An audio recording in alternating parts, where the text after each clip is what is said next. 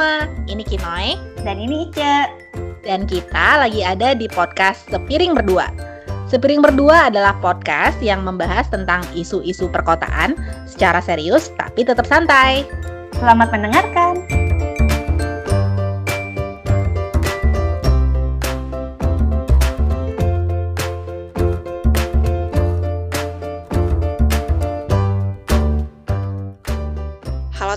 Balik lagi bersama Kinoy di Sepiring Berdua. Kembali ke bentuk reguler kita setelah bulan lalu ikutan 30 hari bersuara. Oh iya, ngomong-ngomong soal 30 hari bersuara, kita tuh seneng banget. Rupanya kemarin itu masuk dalam nominasi pemenang. Walaupun gak menang, tapi gak nyangka banget. Jadi terima kasih banget teman-teman dari podcasters.id, para panitia, juri, dan teman-teman pendengar. Dan selamat juga untuk pemenang yang masuk nominasi dan yang masuk honorable mention. Daftarnya bisa ditengok di Instagram podcasters.id. Dan tentunya juga selamat buat teman-teman yang sudah berhasil menyelesaikan tantangan itu. Eh, dan tuh emang ngos-ngosan juga ya bikinnya 30 hari. Jadi selamat untuk kita semua.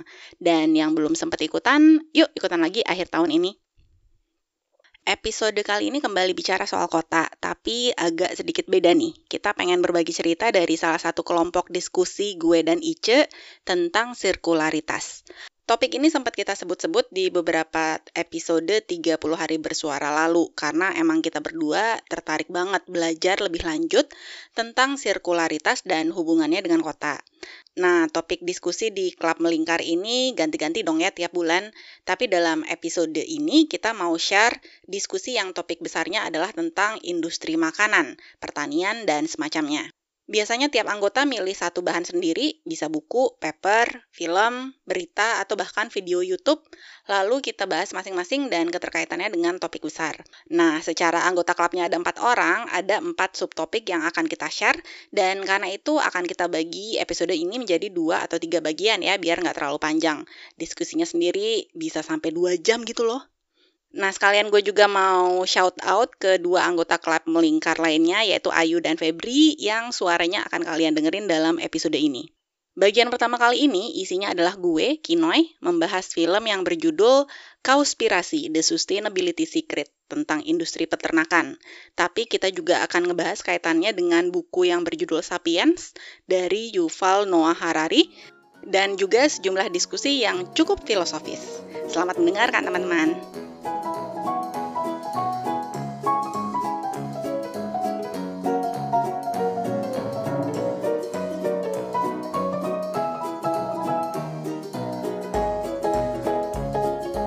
Jadi si filmnya ini kan judulnya Cowspiracy The Sustainability Secret. Ceritanya ini sebenarnya bentuknya narasi, bagian dari perjalanan dia untuk kalau menurut aku sih berkesimpulan pada akhirnya menjadi vegan atau vegetarian. Mulai dari ketertarikan dia terhadap isu lingkungan, uh, triggernya atau pemicunya itu mungkin sama buat banyak orang adalah ketika dia nonton uh, Al Gore. Terus dia mulai perjalanan menjadi seorang environmentalist sampai pada suatu titik di mana dia merasa uh, perubahan gaya hidup yang dia lakukan misalnya kayak naik sepeda, terus uh, go local, terus composting dan segala macam ya, itu kok kayaknya ada dampaknya nggak sih sebenarnya berguna apa enggak gitu.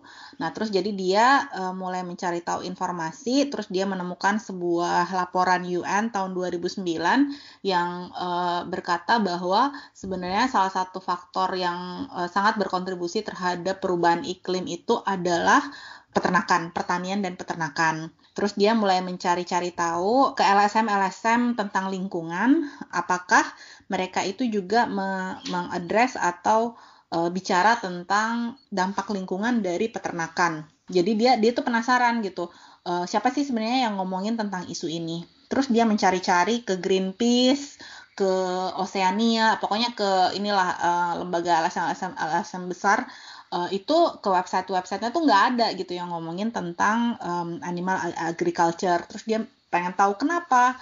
Akhirnya dia berusaha ngomongin si uh, LSM-LSM itu, terus dia uh, berhasil mengontak beberapa dan dia juga termasuk mengontak pemerintah Amerika. Nah, maksudnya pemerintah yang berhubungan dengan dengan isu inilah, dengan isu climate change dan yang bicara tentang tentang uh, lingkungan dan sustainability itu hampir tidak ada yang memang ngomongin tentang dampak lingkungan dari peternakan ini. Setelah dirunut-runut, kesimpulannya itu sebenarnya karena si banyak LSM lingkungan tidak mau ngomong tentang dampak lingkungan itu karena mereka pertama mereka beroperasi by membership dan nggak ada uh, uh, organisasi yang mau diasosiasikan dengan anti daging, anti meat. Karena faktor kedua, jejaring atau pengaruh politik dari industri uh, animal agriculture, agribisnis itu sangat besar di Amerika. Dia sempat ngobrol dengan uh, suatu organisasi yang bicara tentang rainforest conservation atau something like that yang di Brasil terus um, dia mulai agak serem ketika mendengar si ibunya ini ngomong bahwa kan dia nanya tuh kenapa sih nggak ada yang ngomongin itu? Padahal uh, rainforest juga yang di Brasil terutama itu uh, apa salah satu yang sangat uh, membuat rainforest itu menjadi semakin sedikit adalah karena ekspansi lahan pertanian uh, untuk uh, cropsnya si untuk untuk makanannya si hewan-hewan ini lah si sapi-sapi ini gitu. Terus si ibunya juga yang mikir-mikir terus dia bilang ya mungkin karena orang takut kali gitu. Karena banyak juga aktivis yang dibunuh karena mempertahankan uh, lahannya atau mempertahankan uh, misalnya Amazon rainforest itu dari uh, ekspansi pertanian ini gitu. Terus dia ngasih beberapa contoh uh, gitu. Terus dia bilang bahwa di di Brasil sendiri dalam 20 tahun terakhir tuh ada 1100 aktivis yang dibunuh karena speak out. Uh, sebenarnya kalau menurut aku ini elemen dramanya ya dari si dokumenter dari si uh, narasi dokumentarinya ini. Terus terus dia bicara juga dengan banyak researcher yang uh, yang yang banyak ngeriset tentang si animal agriculture ini. Dan kesimpulannya itu semuanya sama. Bahwa dampaknya itu gede banget terhadap kerusakan lingkungan tapi orang tuh takut untuk ngomongin karena pengaruh politik dari industri terbesar di dunia uh, yang adalah industri ya maksudnya pertanian dan peternakan. Pada akhirnya dia berkesimpulan setelah ngobrol dengan semua orang ini bahwa kalau misalnya mau mengurangi dampaknya uh, itu satu-satunya cara adalah uh, beralih ke plant plant based diet diet berbasis tanaman. Karena dampak uh, lingkungan dari uh, pertanian untuk manusia ya bu, uh, uh, yang maksudnya cropsnya itu di, di, ditumbuhkan untuk makanan manusia itu lebih sedikit dibanding dengan pertanian yang memang ditujukan untuk si animal farming ini. Kayak misalnya tadi dia ngasih contoh uh, pertanian yang untuk manusia cuman butuh uh, lahan seperenam dibanding uh, lahan untuk peternakan, peternakannya doang. Kalau di, uh, dibandingkan dengan uh, pertanian yang untuk uh, peternakan itu bahkan kayak satu per 18-nya. Terus tadi dia sempat nanya salah satu researcher kalau misalnya semua orang beralih ke plant based diet itu mungkin nggak. Terus dia bilang e, kayaknya nggak mungkin ya kayak gitu. Tapi at least kita bisa berusaha lah gitu. Terus ada salah satu uh, orang yang bilang narasumbernya yang bilang bahwa terus ini gue tertohok sebab dia bilang you cannot be an environmentalist and still eat animal products. Soalnya ya dampak lingkungan dari sebuah daging datang ke piring elu itu tuh besar sekali gitu. Jadi terus dia juga bahkan sempat udah mengeksplor peternakan-peternakan skala kecil gitulah gitu. Tapi ternyata kalau dilihat memang e, untuk ngasih makan si hewan-hewan ini itu tuh butuh makanan yang banyak banget gitu. Jadi uh, ada salah satu startup untuk plant based diet yang bilang bahwa kalau misalnya si makanan-makanan hewan ini itu kan sebenarnya dari tumbuhan juga tuh. Kalau misalnya itu langsung diolah untuk manusia, itu tuh kita banyak banget yang bisa kita hemat gitu. Entah dari airnya entah dari land use-nya dari tanahnya entah dari si jumlah tanamannya itu sendiri gitu yang dikonsumsi oleh hewan-hewan ini. Dan dari dari segi nutrisi dan lain-lain itu sebenarnya juga mitos doang gitu kalau kita butuh protein dari hewan. Ya intinya seperti itulah. Oh ya kesan-kesan tentang filmnya itu aku sebenarnya dari sisi storytellingnya aku nggak nggak suka ya. Karena dia gayanya tuh nodong gitu loh. Jadi nelpon nelponin ke LSM tuh nggak dibales nggak apa. Terus dia datang langsung ke kantornya terus langsung nyalain uh, kamera. Terus kayak dia sebel banget karena Greenpeace itu nggak mau bales emailnya. Jadi uh, menurut gue agak shaming gitu ya uh, gaya narasinya. Aku nggak aku nggak suka. Terus dia banyak juga pakai angka pakai maksudnya kayak ini berapa persen dari oh ya pokoknya pakai-pakai angka lah gitu. Nah aku sih buat aku pribadi aku nggak terlalu nempel ya angka-angka itu di kepala. Jadi itu may or may not mean something untuk orang yang ngedengerin. Hmm, terus dia juga banyak pakai narasi yang mendorong fear factor gitu loh. Apa ya buat aku tuh tidak terlalu terbujuk kalau misalnya caranya itu nakut-nakutin. Aku suka sama ininya sih narasumber yang researcher-researcher yang dia wawancara di film ini karena semua yang diwawancara itu kayaknya practice what they preach ya. Semuanya kayaknya vegan.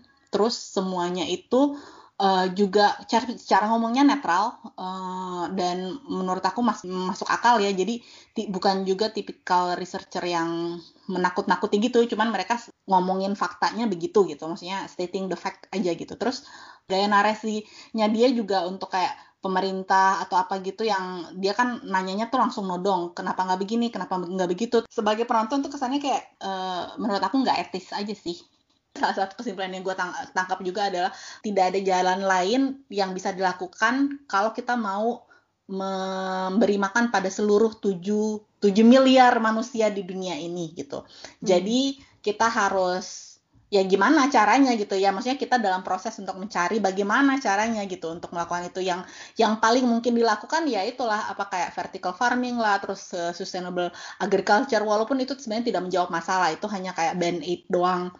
Cara yang lain adalah to have less population.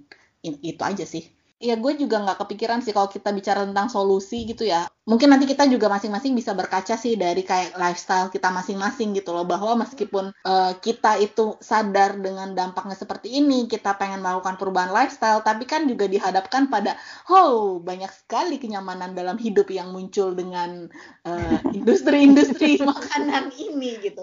Dengan daging. Belum Terus, lagi ini loh mbak, belum lagi masalah culture sih memang maksudnya iya. kayak di ya paling gampang aja yang misalnya Idul Adha gitu. Itu kan maksudnya udah hmm. yang bisa dihilangkan dari kepercayaan pemeluknya gitu kan. Di mana hmm. pas Idul Adha itu hal besar yang dilakukan itu kan menyembelih hewan kan. Maksudnya di mana ketika orang mau menyembelih hewan kan berarti hewan harus ada tuh. Mm-hmm. nah, harus ada itu gimana ya kan diternak juga kayak gitu. Dan yeah. itu iya. berapa berapa juta kambing dan dan sapi yang di yang disembeli setiap tahunnya kayak gitu. Iya sih setuju. Tapi menurutku sih di luar di luar dari si culture itu ada lebih banyak jauh lebih banyak lagi praktik yang maksudnya memang secara masif pakai daging gitu. Berarti kita harus nyari ustadz yang vegan nih. Nah, ada apa enggak? Maksudnya kalau ustadz yang vegan, apa yang dia lakukan ketika Idul Adha ya? Tapi aku pikir sebenarnya bukan cuma kayak agama doang loh. Bayangin kalau semakin banyak orang yang nggak makan daging, terus mereka hilang dong kuliner. Maksudnya itu kan budaya yang mengakar ya. Nah, sebenarnya budaya juga kan diciptakan ya. Eh, jadi maksudnya diciptakan dan di dan dan dibentuk gitu hmm, dalam jangka waktu yang mungkin lama. Kayaknya si komunitas-komunitas vegan ini sudah memulainya sih misalnya dengan bikin menu-menu alternatif uh, yang tetap kelihatannya keren gitu. Hmm. Misalnya tongseng-tongseng jamur atau bener, atau bener, bener. Iya kan yang kayak gitu-gitu.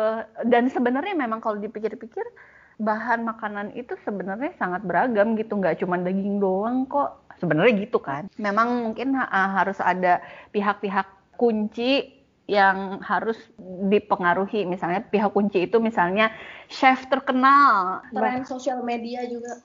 Saya pernah nonton di Food Insider, jadi ada satu ini satu restoran di Amerika lupa bagian mana, jadi dia itu uh, apa menjual makanan-makanan vegan. Jadi misalnya orang yang pengen makan salmon tapi dia vegan itu dibuatnya dari semangka. Jadi marinasinya sampai uh, 8-9 jam. Dan itu hmm. rasanya katanya bener-bener mirip salmon. Hmm. Iya. Iya, oh, ada tuh di, di iya ada tuh restoran di mana di New York juga aku pernah ngeliat kayaknya enak gitu dan tampangnya tuh kayak salmon tampangnya. Mirip ya. Padahal itu semangka. Iya. Terus ada juga yang mau makan stick kalau nggak salah buatnya dari tempe dan itu marinasi. Ah, ya, ya paling udah mainnya lama. di paling mainnya dia di marinasi aja yang lama. Kayak di sini aja kayak ada resto yang namanya tuh di jamuran gitu. si jamuran yang Jogja itu murah sih menurut aku dan emang emang nggak perlu ngapa-ngapain lagi emang jamur mah bisa diapa-apain sih sebenarnya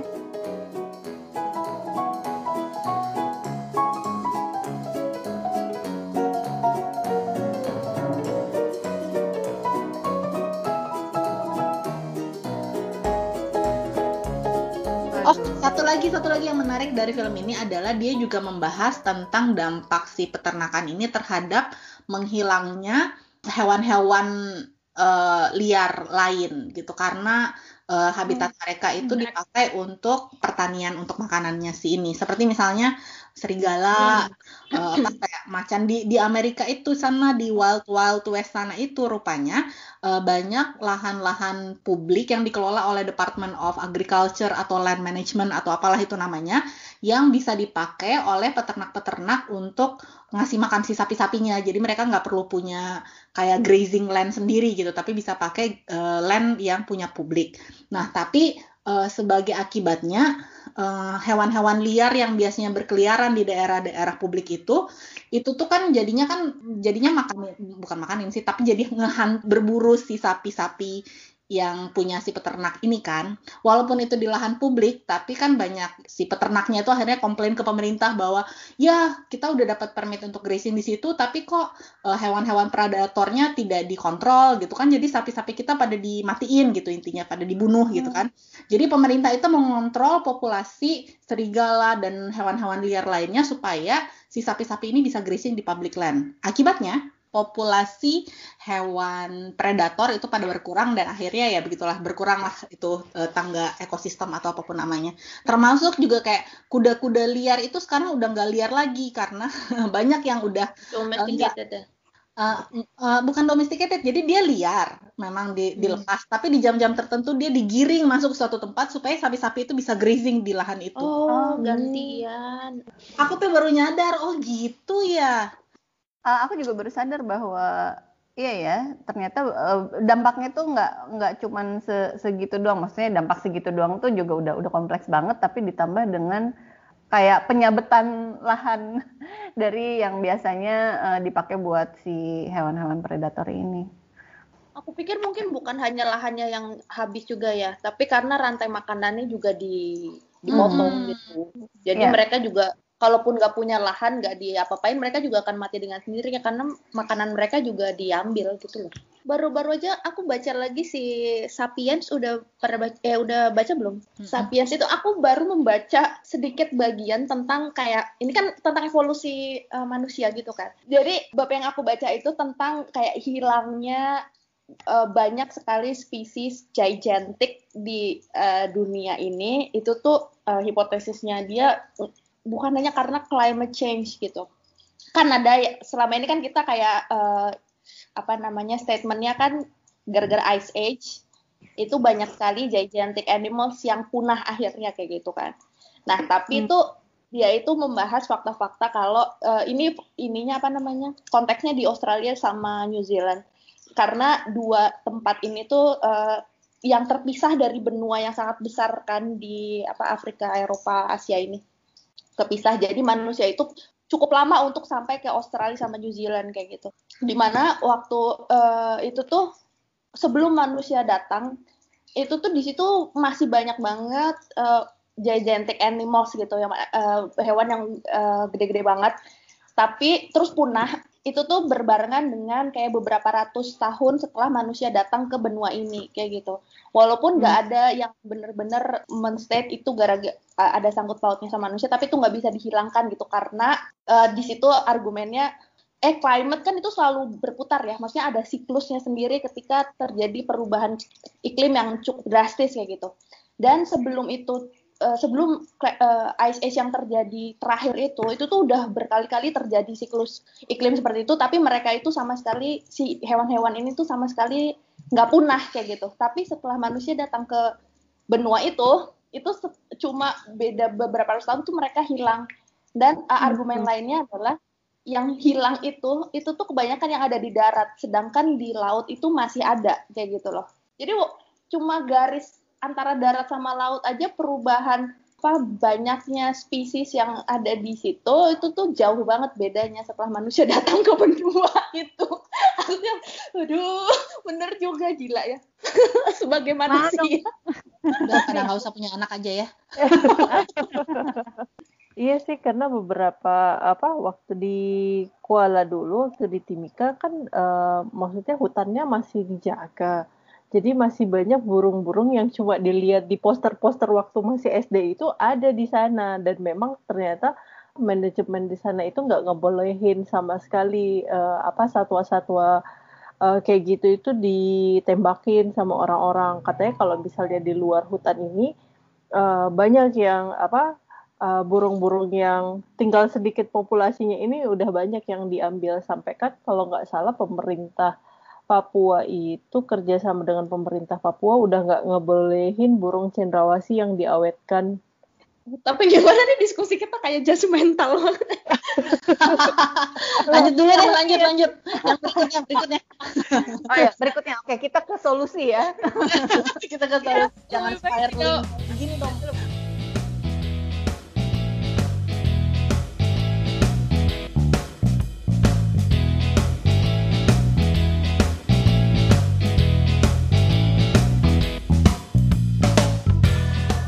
Oke teman-teman, semoga teman-teman juga menikmati obrolan kita hari ini. Teman-teman bisa kirim komentar atau voice note ke podcast.sepiringberdua at gmail.com. Sekali lagi ke podcast.sepiringberdua at gmail.com. Atau bisa juga main ke Instagram kita di handle podcast.sepiringberdua. Sampai jumpa!